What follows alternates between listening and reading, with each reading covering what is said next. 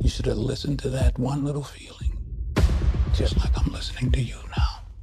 You can talk to me. I'm all a friend you got.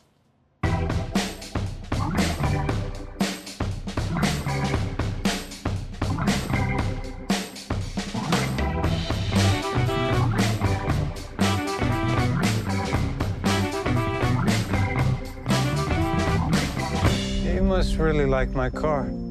I do. How's the trunk space? Dzień dobry, kochani, witaj Patryku. Cześć Darku, hej kochani, jak się macie?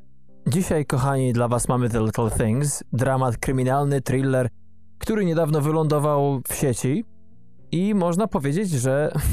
No właśnie, Patryku, pytanie. Ile w tym pleasure jest guilty, albo ile w tym guilty jest pleasure? No, zacznijmy od tego, że 28 stycznia bieżącego roku ta produkcja trafiła właśnie u Darka, czyli w Stanach na HBO Max, a w dużej części Europy zresztą, yy, między innymi w Holandii na serwisy VOD 28 stycznia, więc to jest już prawie miesiąc. I no, wydawało się po trailerze, który zresztą zapuściliśmy chyba z miesiąc temu czy dwa, że będzie bomba. No, co tu się może nie udać, tak? No, poniekąd była. Poniekąd była, tylko y, co wyleciało z tego, to niestety ciężko z tego się obmyć potem. Mm, Chociaż nie, nie jest aż tak źle, tak? To nie jest jakaś żenada roku, chociaż może być pewnie w jakiś sposób jakimś rozczarowaniem, ale to z racji tego, że mogły po prostu oczekiwania były większe, więc, więc i ta poprzeczka e, była wysoko. No właśnie pytanie a propos tej bomby, czy jeżeli ona już eksplodowała, to czy eksplodowała gdzieś na polu? Czy eksplodowała w jakimś taktycznym celu? Czy po prostu została zdetonowana i to jeszcze w przedpokoju, prawda, zanim trafiła na poligon? No, to znaczy, wiesz, bo to też y, jest kolejna z tych produkcji, to też pewnie, kochani, wiecie, o tym mówiliśmy, też y, parę zdań y, w podsumowaniu, że mm, trafia jednocześnie na, w Stanach przede wszystkim oczywiście, na platformę HBO Max i do kin, więc no właśnie, mamy to jako, można powiedzieć, y, taki tandem dystrybucyjny, tak? Kolejny, kolejna próba, można powiedzieć, wielkiego tytułu, wielkich nazwisk, no i te zarobki nie wyglądają źle. Wiadomo, że to jest y, rok kolejny covidowy, niestety nie po-covidowy, ale już około 20 milionów z tego, co kojarzę, zarobił film w kinach, więc jak to będzie w HBO Max, nie wiadomo, ale jakoś tam sobie radzi chyba. Tak jest. Nasze podejście było troszeczkę inne do tego filmu, ponieważ ja akurat swoje newsy, jeśli chodzi o to, co warto oglądać z tych rzeczy, które właśnie teraz się ukazują i ewentualnie były w moim kręgu zainteresowań, to biorę z podcastu politycznego, amerykańskiego, ale jest tam jeden z tych komentatorów, z którym tak naprawdę nie tyle, że pokrywa się to, co ja lubię, ale właśnie bardzo często przynajmniej ta osoba dobrze mi tłumaczy, jakie rzeczy przeważyły, jeśli chodzi o jej podejście właśnie do danego dzieła. I dzięki temu ja rozumiem, że ta osoba po prostu, po prostu rozumiem tego krytyka, skąd on, że tak powiem, mówi do mnie? I inaczej mnie to nastawiło chyba do tego filmu jak ciebie, prawda? Ty z tego co wiem to za bardzo nie kopałeś a propos niego, natomiast ja już mniej więcej, ja byłem przygotowany powiedzmy na kilka ewentualności z nim związanych. Ale on y, coś zdradzał z fabuły, czy też coś o jakichś, y, nie wiem, zaletach, wadach, czy, czy, czy jakby w jaki sposób on cię nastawił do... Bo ja nie wiem, jakby ja się spodziewałem dobrego filmu, że tak powiem w skrócie, a Ja i tyle, tak? I tyle, a jak on cię tam nastawił, ten, ten polityczny krytyk, czy To znaczy, publicysta? wiesz jak to jest, jak sobie czasami rozmawiamy, wymieniamy uwagami na temat jakiegoś filmu i już są jakieś ale, to człowiek po prostu dociera się z drugim tak, żeby jakoś sprzedać to drugiej osobie. Nie ubierając tego w słowa, które odniosą inny skutek od zamierzonego. To znaczy, jak to powiedzieć tobie, że film jest niekompletny, ale nie chcę, żebyś się do niego zraził. I ten facet właśnie ma taką zdolność, że potrafi jednak powiedzieć, że no okej, to jest, jest hołdem dla lat 90., że tam jest troszeczkę właśnie tej problematyki etycznej, jeśli chodzi o policjantów, ale też mówi, że są niektóre motory napędowe, konie pociągowe, które sprawiają, że jednak czas mija szybko w trakcie jego seansu i po prostu muszę powiedzieć, że bardzo dużo z tego sprawdziło mi się samemu, jeśli chodzi o mój seans tego filmu. Okej, okay, no to jakby w ten deseń jak uderzył, to faktycznie mm, była to jakaś pomocna ocena krytyczna. Ja akurat tego nie czytałem. Mhm. Nawet zupełnie wyleciało mi z głowy, że Jared Leto tam grał. Jakkolwiek jeden z krytyków mocno zarzucał tej produkcji, czy samemu Jaredowi, że nic nie zmienił ze swoich włosów, że zostawił takie same, jak tak naprawdę na co dzień ma, że po co ta prostetyka nosa i w ogóle tam zębów też i kilku innych rzeczy, skoro cały zarost tak naprawdę twarza głowy został oryginalny jako Jared Leto, ale ja, szczerze powiedziawszy, wyleciało mi z głowy, że on miał tam grać i ja go tak zobaczyłem w tej postaci dopiero gdzieś w połowie filmu, więc myślę, że jakoś to, oprócz tego oczywiście, to sposób e, chodzenia, wypowiadania się też zupełnie inny, ale jakby to był dla mnie jeden z plusów, chociaż szczerze powiedziawszy na początku myślałem, że to jest ktoś, kto nieudolnie udaje Jared Leto, e, ale skoro to jest Jared Leto i go nie poznałem, to chyba to, to świadczy o czymś dobrym. Więc na początek pozytywnie. To z trzech tenorów, którzy występują w dzisiejszym filmie, to jest największym problemem akurat postać grana przez tego aktora, jego aktorstwo też, o tym jeszcze powiemy. Na początku lekko do brzegu dobijemy i opowiemy o czym jest ten film. Mamy lata 90. Los Angeles. Ktoś powiedział, że to jest grudzień, ponieważ na ekranie widać banery reklamujące film Chłopcy sferajny Goodfellas, który wtedy akurat się w LA ukazał. I po tym poznać można, że to mniej więcej jest ten okres. Zresztą widać wieczorami przede wszystkim, że ta para leci z ust yy, aktorom, więc, więc jest zimno, tak? Dokładnie. I mamy dwóch policjantów, którzy ścigają seryjnego mordercę. W roli tego starszego, bardziej doświadczonego gliniarza, zastępcy o imieniu Joe Deacon mamy Denzela Washingtona. W roli gwiazdy lokalnej policji młodego detektywa mamy Ramiego Maleka. No i mamy oczywiście naszego podejrzanego Alberta Sparmę, Jareda Leto. No i właśnie, Patryku, mamy tutaj cztery Oscary, prawda? Dwa Oscary ma Denzel Washington, natomiast Rami Malek i Jared po jednym. Rami Malek za ostatni biopik Bohemian Rhapsody, natomiast Jared Leto za Dallas Buyers Club, za można powiedzieć do tej pory jego rolę życia. Mamy Johna Lee Hancocka, 64-letniego Teksańczyka, który niekoniecznie zrobił strasznie dużo filmów, ale przecież poznał już można powiedzieć od podszewki ten interes poniekąd. Więc wydaje się, że mamy tutaj przepis na naprawdę niezłą szarlotkę, no to nie wiem, to może to raczej jakiegoś mięsnego paja bardziej, ale mimo wszystko jest, jest w czym wybierać, prawda? Wiesz, mi się kojarzy tak naprawdę John Lee Hancock z ostatnim filmem, o którym mówiliśmy, The Highwayman, e, czyli historia e, dwóch policjantów, detektywów ścigających Bonniego i Clyde'a. Bonniego i Clyde'a. Mhm. Bonnie i Clyde'a, nie wiem, już teraz no w, no w tej, tym okresie, wiesz, zawirowań to już teraz nie wiadomo, jak to naprawdę no, no. powinno się ten tytuł wymieniać, czy tą parę. Tak, nie czas na rewizjonizm, ale jest ślisko, to prawda. A oprócz tego, może nie powiem znienawidzony, ale Wielki Mike to było dla mnie totalne nieporozumienie. Tam y, chyba Oscar był dla Sandry Bullock, ale zupełnie ten film do mnie nie przemawiał.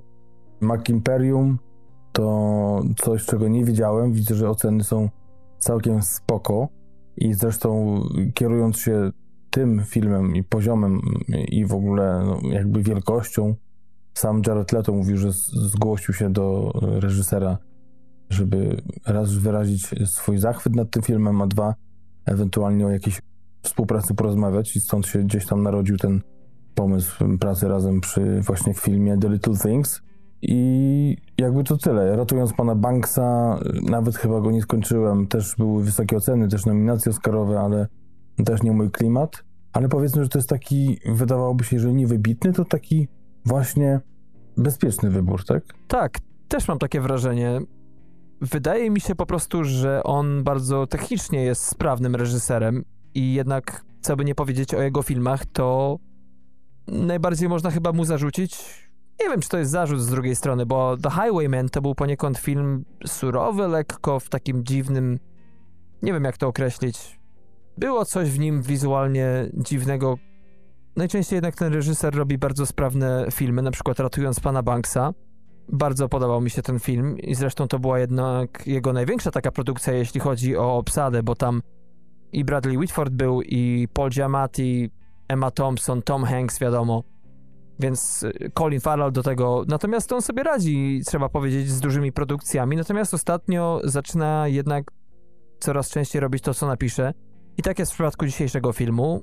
I wydaje mi się jednak, że jego mocniejszą stroną jest reżyseria. W przypadku dzisiejszego filmu na pewno reżyseria to jest jego konik tutaj. Natomiast scenariusz to zależy jak na to patrzymy, bo tak jak wspomniałem na początku, to jest niejako hołd dla lat 90., dla takich filmów z lat 90. I też przez wielu jest traktowany jako film, których po prostu już się nie produkuje.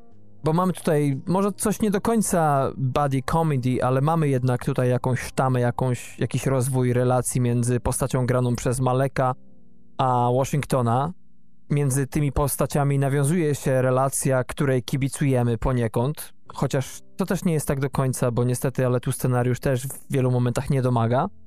No ale mamy mimo wszystko takie elementy troszeczkę, które przypominają mi przynajmniej produkcję ala CSI, Zagadki Los Angeles.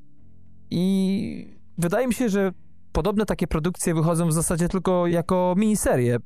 Mam tu na myśli albo Mindhuntera, i tutaj Jared Leto idealnie wpasuje mi się w ten rodzaj świrów, które widzimy w tym serialu na Netflixie i mam jeszcze True Detective, y, jeśli chodzi o HBO. Natomiast jeśli chodzi o filmy, które teraz się pojawiają, to już naprawdę ze świeczką w ręku można szukać podobnych produkcji.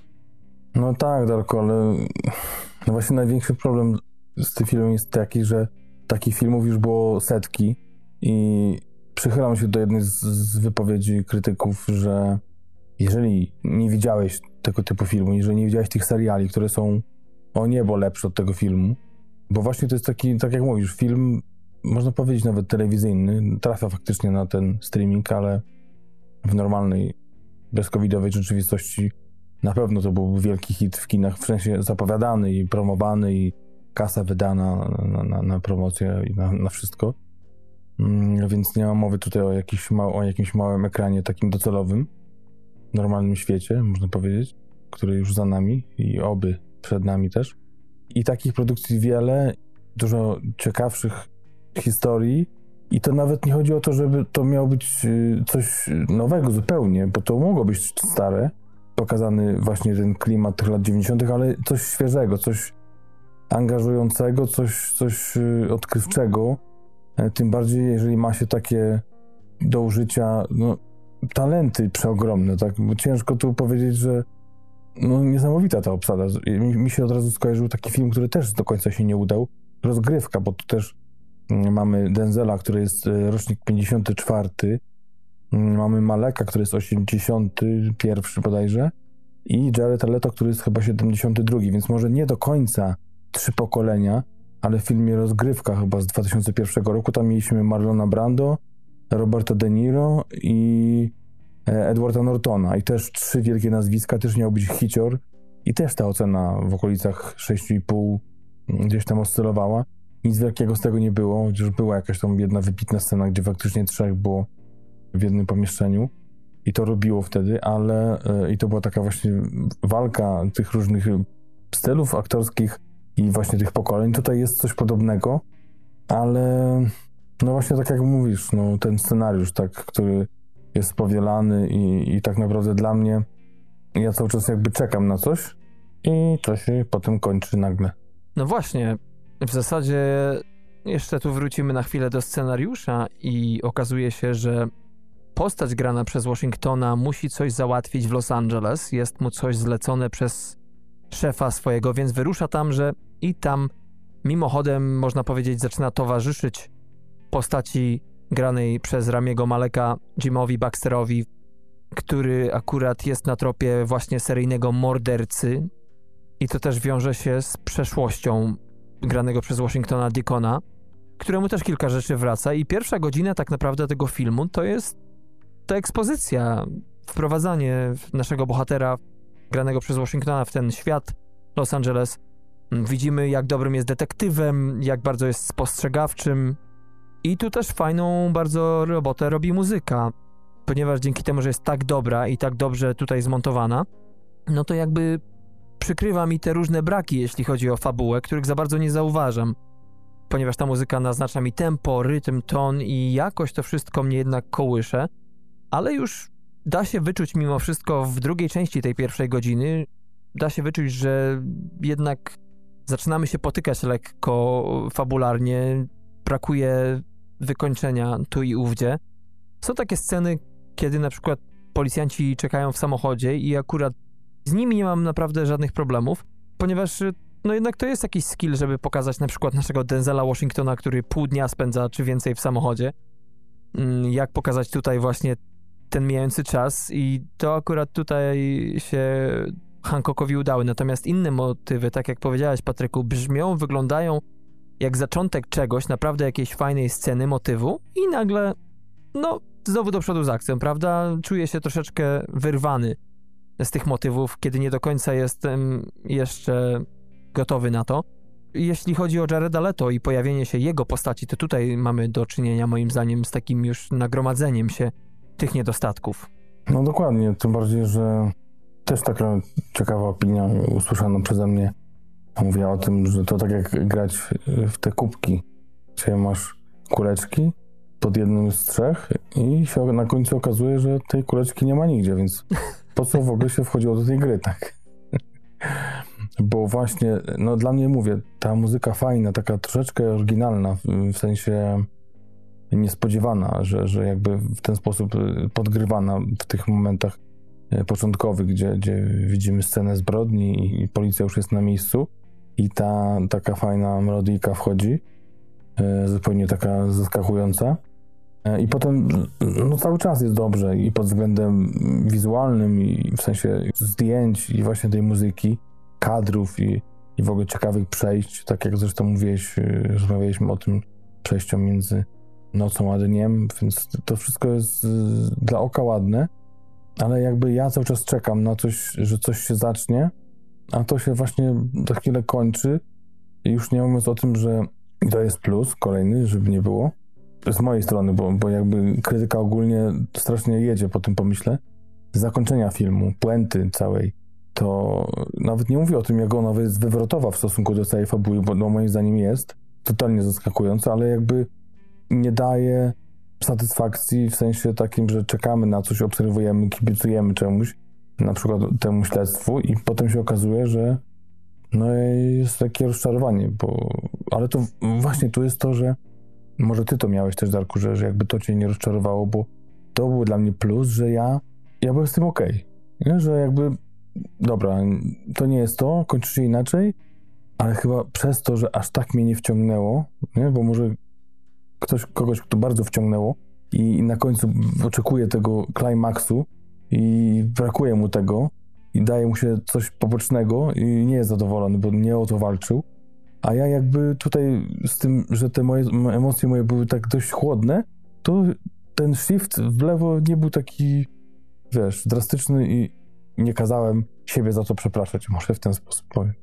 No właśnie, ja już teraz z głowy nie pamiętam, o którym filmie ostatnio mówiłem, czy to był jakiś film z zeszłego roku, czy jakaś recenzja, natomiast był jakiś film, gdzie właśnie to, że była jakaś bariera między mną a tym dziełem, gdzie po prostu ten film nie potrafił mnie bliżej siebie przyciągnąć, to sprawiło właśnie, że ten największy payoff na końcu, no to nie było to, tak?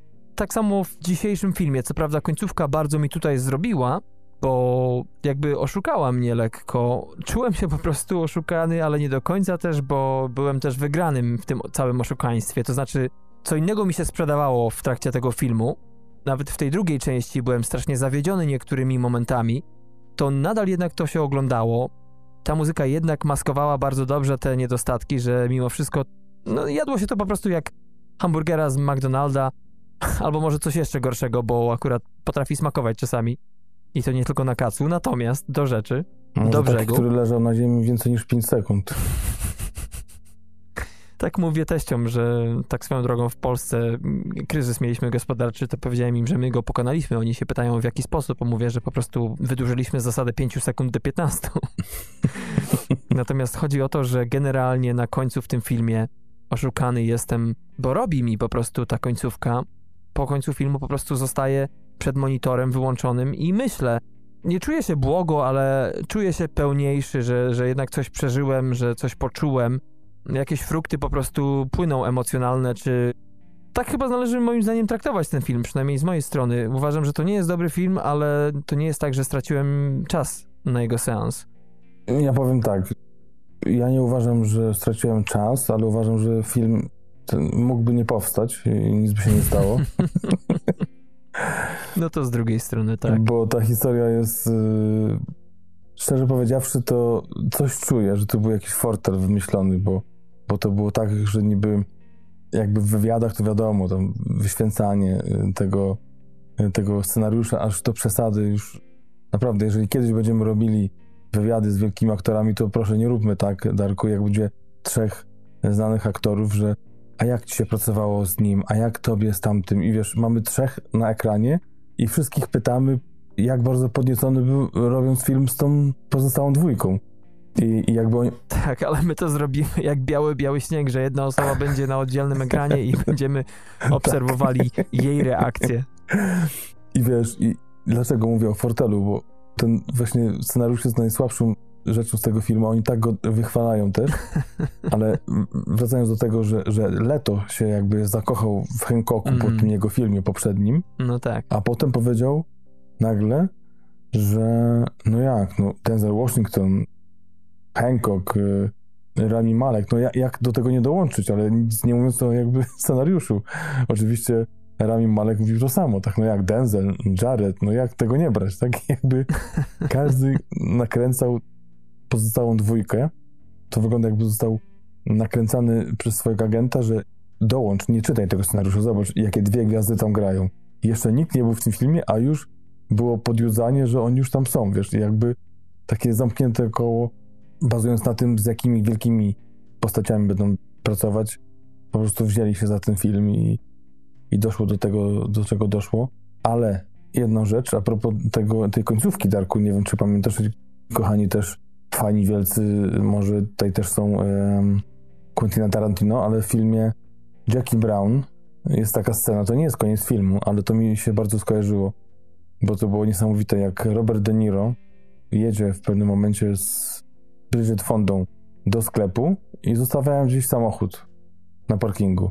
I w drodze powrotnej z tego sklepu De Niro nie może tego samochodu znaleźć. Mm -hmm. I Bridget Fonda tak się z niego wyśmiewa, że jest taki twist, że opadła mi szczena. I jakby na tej samej zasadzie od, od razu to zobaczyłem, jak tylko widziałem, może nie ostatnią scenę z filmu naszego, ale kulminacyjną, tak?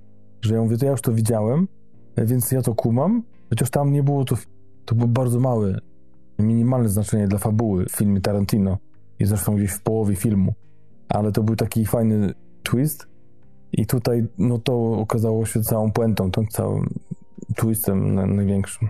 Wiesz, to bardzo ciekawie otwiera akcję, jakby poza ten film. Nie jeśli chodzi o sequel, tylko to, co się dzieje na końcu tego filmu, po prostu jakby sprawia, że zaczynam myśleć o tym ekosystemie, który będzie sobie istniał dalej po tym, jak ten klaps ostatni padł na planie. I jak te losy bohaterów się potoczą dalej, chociaż to nie są prawdziwe postaci i pewnie nie będzie sequela, chyba że w krótkim czasie, jak się wszystko otworzy, to... Kto wie. tak. Ale to właśnie było tym plusem. Wydaje mi się, że ten recenzent, o którym wspomniałem, ten politykier amerykański, akurat nie dookreślił to tak strasznie, bo jednak wydaje mi się, że ta puenta nie jest. Ona jest fajna, ale niekoniecznie istnieje jako część tego filmu, tak mi się wydaje mimo wszystko. Mhm. Dobrze, że to zrobili. O, może tak. Film mógł nie powstać, ale ta ostatnia scena plus ten pomysł w ogóle, dlaczego to na pewno. I kilka tekstów, prawda, jest Patryku naprawdę kapitalnych w tym filmie. Ja największy problem, jaki miałem z tym filmem, chciałbym jeszcze wrócić do aktorstwa, z trzecim tenorem właśnie, z Jaredem Leto, był ten problem. Pamiętam tutaj taka mała prywatna historia, kiedyś zgodziłem się zagrać w filmie studenckim, bo i kasa była dobra za to i ciekawa postać do zagrania, którą mogłem sobie potem włożyć do portfolio. Postać podobna do właśnie Jareda Leto, faceta mocno skomplikowanego i w trakcie zdjęć okazało się, że reżyser, no, no już czułem po prostu, że to nie będzie dobre. Nie wiem dlaczego, ale miałem to przeczucie. Jak zobaczyłem wersję końcową filmu, to okazało się, że miałem rację. Takiego cringe'a złapałem, że wiesz, nawet cztery tabletki magnezu nie poluzowały żuchwy. Mm, Ale dlaczego o tym mówię w stosunku do Jareda Leto?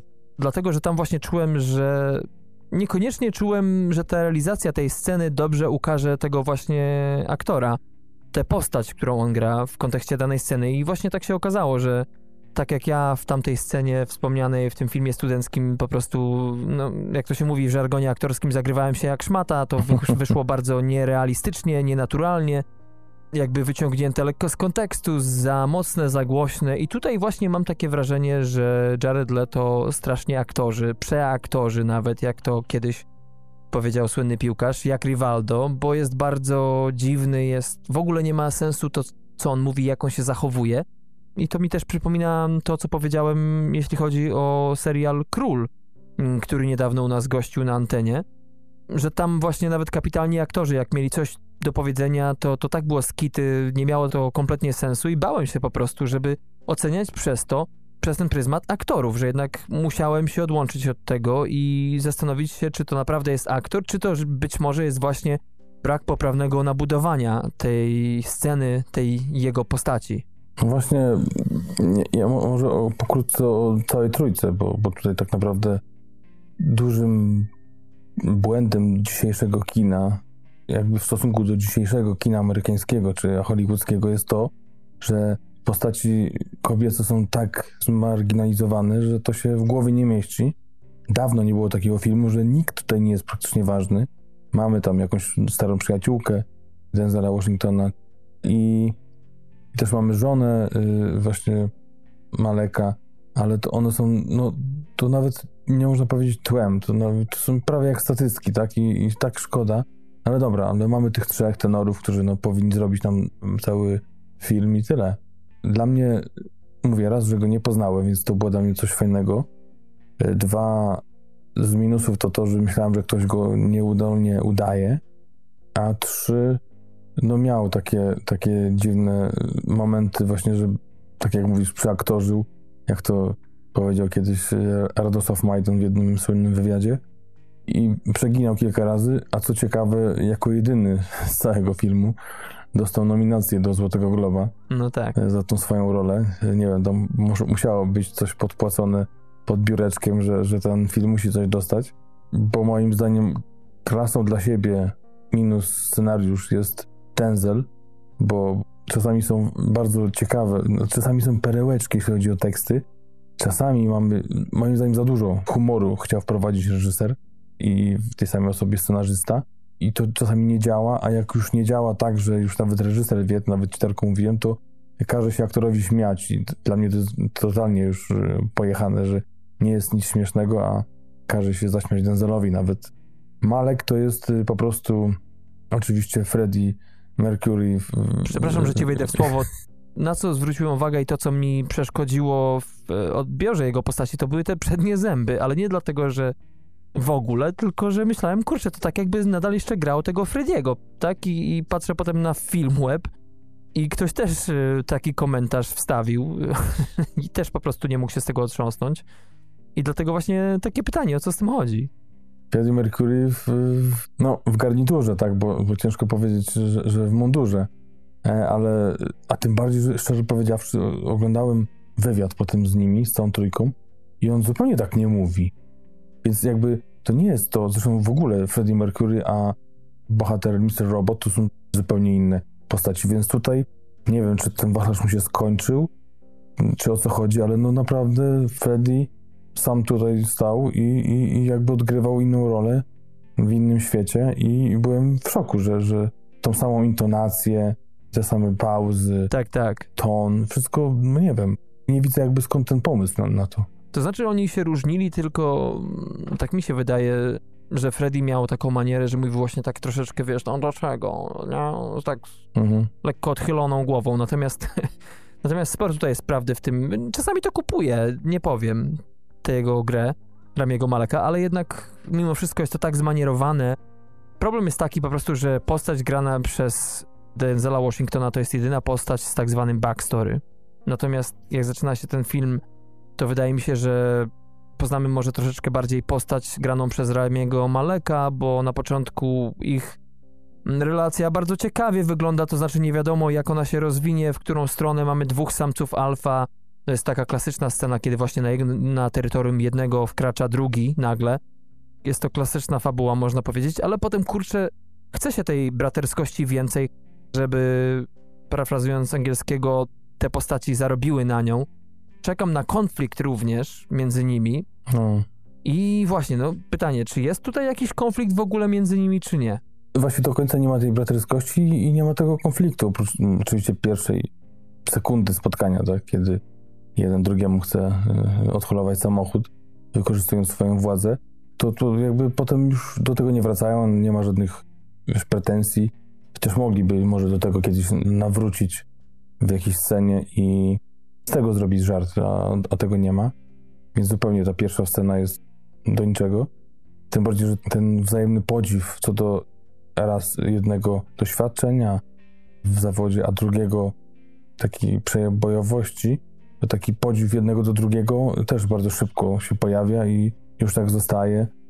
Więc no, też ta relacja nie jest do końca dobrze rozegrana. No ale to wszystko scenariusz, bo ja, ja nie wierzę, że oni nie wiedzieli. Tylko dlaczego, kto ich tak zaczarował?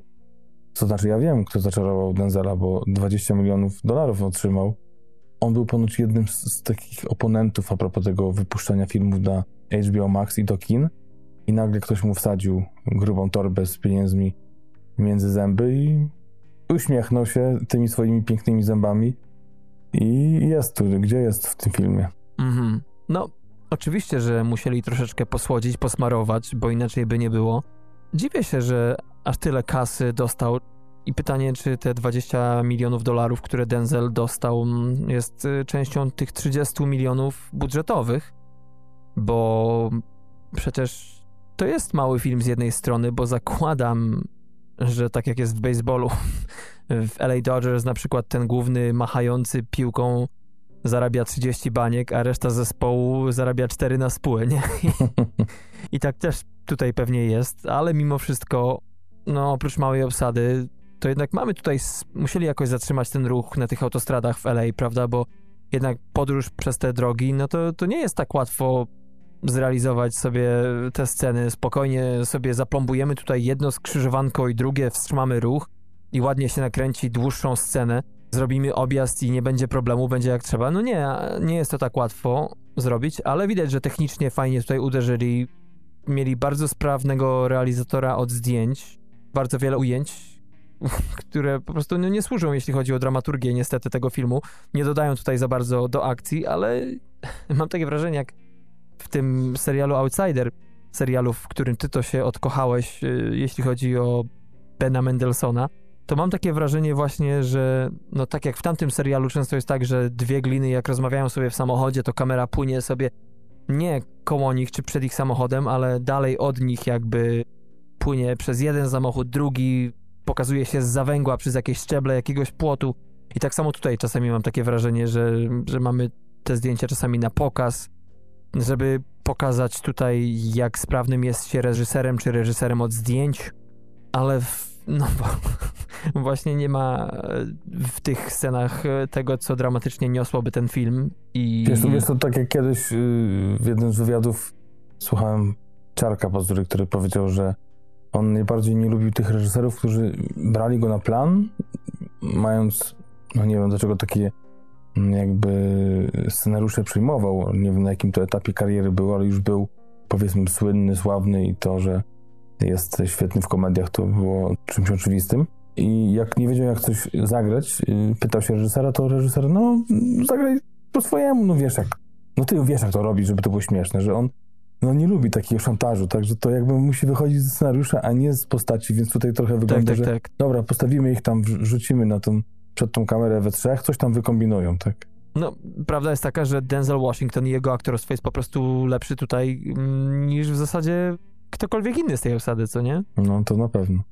Ale wiesz, mamy tego właśnie, tak jak mówiłeś, autor zdjęć to jest John Schwartzman, czyli yy, nominowany za niepokonanego Seabiscuita, więc też, yy, no, persona w Hollywood bardzo znana. Jeszcze bardziej chyba znany to oczywiście autor muzyki, czyli Thomas Newman. Mhm. Jeden z niewielu, który obsypany nominacjami nie dostał jeszcze żadnej statuetki, bo aż 15 nominacji. E, Więc jak ten biedny Dickens będzie pewnie czekał do, do starości. E, Więc naprawdę ta ekipa jest niesamowita, tak? Zgromadzona wokół tego malutkiego grilla na jedną kiełbaskę, można powiedzieć. Jeżeli porównujemy scenariusz do takich kiełbasianych klimatów. Już nie, nie chcę tutaj. Nie chcę tu się odnieść do pewnego filmu i pewnego zdania z niego. Powiedzmy, że kryptycznie utniemy to ten wątek tak jak film, wszystkie inne. Masz rację, jeśli chodzi o moją ocenę tego filmu, to jednak przeważa to tutaj, że zostajemy bardzo często sami po prostu. Jesteśmy, tak jakby nas wzięli, po prostu cała trójka aktorów wzięła nas jako zakładnika, nie wiedzieć czemu, wrzuciła do bagażnika albo na trzeci rząd siedzeń i po prostu, no, jedziemy tak z nimi, nie mamy nic do powiedzenia. Jak chcą się zatrzymać na siku, to się zatrzymują, jak nie, to nie, ale żeby teraz zapytać ich, przepraszam bardzo, ale czy moglibyśmy nie, zamknij się. Za darmo? Za darmo. Jest subskrypcja? Jest. Takie mam wrażenie. Tak czułem się w trakcie tego seansu. Ale wiesz, mnie, mnie to śmieszy, bo troszeczkę to może przeinaczę, ale mniej więcej tak to wyglądało. Jakby wydawało się, że kto inny miał władzę, a okazało się, że jednak to druga osoba. Jakby nas w tym bagażniku zawieźli i mówi, a teraz będziemy kopać. I my będziemy kopać. No tak. No wiesz, z drugiej strony, jak to było w przypadku Manka, do którego scenariusz napisał ojciec Davida Finchera i to bardzo dawno temu, tak samo i w tym przypadku tutaj ten scenariusz do dzisiejszego filmu powstał w 1993 roku. W ogóle jego, w jego oryginalnej obsadzie miał być Clint Eastwood i podobno Danny DeVito i reżyserować ten film miał Steven Spielberg w ogóle, więc musiała gdzieś tam leżeć ta rzecz odłogiem i gdzieś musiało to korcić Hancocka, żeby w końcu to zrobić. A to pewnie, to pewnie przy okazji doskonałego świata, bo przecież Tak, tak. e, dla Eastwooda napisał scenariusz, wtedy tam też Mhm. Kevin Costner grał, więc właśnie ten sam rok, 93. Dokładnie. I, I no właśnie, i powstał taki film, który jako jeden z niewielu teraz nie ma komórki żadnej w nim, są maszyny do pisania, ten klimat jest dość fajnie zrobiony lat 90., ale tak jak powiedziałeś Patryku, na IMDB to jest raptem ocena 6.3 na 35 tysięcy głosów, a to już jest trochę na tej stronie. Natomiast na Rotten Tomatoes to też nie wzbija się powyżej 47%, jeśli chodzi o pozytywne oceny krytyków. Ale kilka jest też właśnie, jak już wspomniałem, kilka koni pociągowych, które tutaj te akcje pchają do przodu i jako taki feel good film jest on często polecany, chociaż zgadzam się z Patrykiem oczywiście, że mógł no nie powstać ten film generalnie. Jeżeli znajdziecie go w internecie, w jakimś streamingu i tak dalej, to oczywiście go ahead, nie ma problemu. Ale no, z drugiej strony, no, słuchaj, no tobie się podobały Psy 3, więc co Co tutaj to za roast teraz w końcu się... To jest dopiero twist. To tak jak w tym filmie. Przekręciłeś cały Nawet odcinek, że tak Mhm. naprawdę o to ci chodziło, żeby do tych psów biednych dojść. Nie no, ja powiem tak, na pewno jeśli ktoś takich filmów nie widział, bo tak jak też ktoś powiedział, że krytycy mają ciężko z tym filmem, bo jeśli ogląda się ich dużo, tych takich, no w ogóle filmów tego typu, z taką tematyką, nawet właśnie sam ten klimat, że przyjeżdża jakiś tam stary policjant do jakiegoś y, właśnie świeżaka, który jest gwiazdą i gdzieś tam pracują razem, no, no, multum takich filmów było i produkcji też telewizyjnych, to jeśli ktoś takich nie widział na co dzień, czy wielu, no to to może być wow, tak myślę, nie? że jakby tutaj ta młodsza część widowni może być taka zachwycona, a, a potem może to jest lepiej, tak potem zobaczyć Siedem, potem zobaczyć Zodiaka, bo to są filmy, które, no, które gdzieś tam mogły być pierwowzorami, czy gdzieś mają z klimatu, ale no, no scenariuszowo to zupełnie jest co innego. Właśnie chyba wydaje mi się, że powiedziałeś tutaj klucz tego wszystkiego, że jak chcecie zobaczyć film, który z jednej strony jest właśnie 7, a z drugiej takim filmem o glinach z lat 90., no to macie tutaj, nie ma takich filmów w zasadzie za wiele, jeśli chodzi o ostatnie lata. Z tej strony można to podejść, że ten styl jest inny. Nie jest to do końca film udany scenariuszowo, tak już wielokrotnie po, tutaj powiedzieliśmy, ale mimo wszystko ten film, jeśli chodzi o warstwę wizualną i muzyczną, I też, że jednak jest sporo tutaj tych nierozwiązanych zagadek, że jest ten psychopatyczny morderca i często jesteśmy w terenie, można powiedzieć, gdzie odkrywamy są kolejne zbrodnie, kolejne zwłoki, więc może to nie wszystko do końca rewelacyjnie działa, ale, ale nadaje to troszeczkę takiego spinu tej psychopatyczności. Właśnie ten film pod tytułem 7 mocno mi właśnie siedzi w głowie, jeśli chodzi o kontekst tego filmu.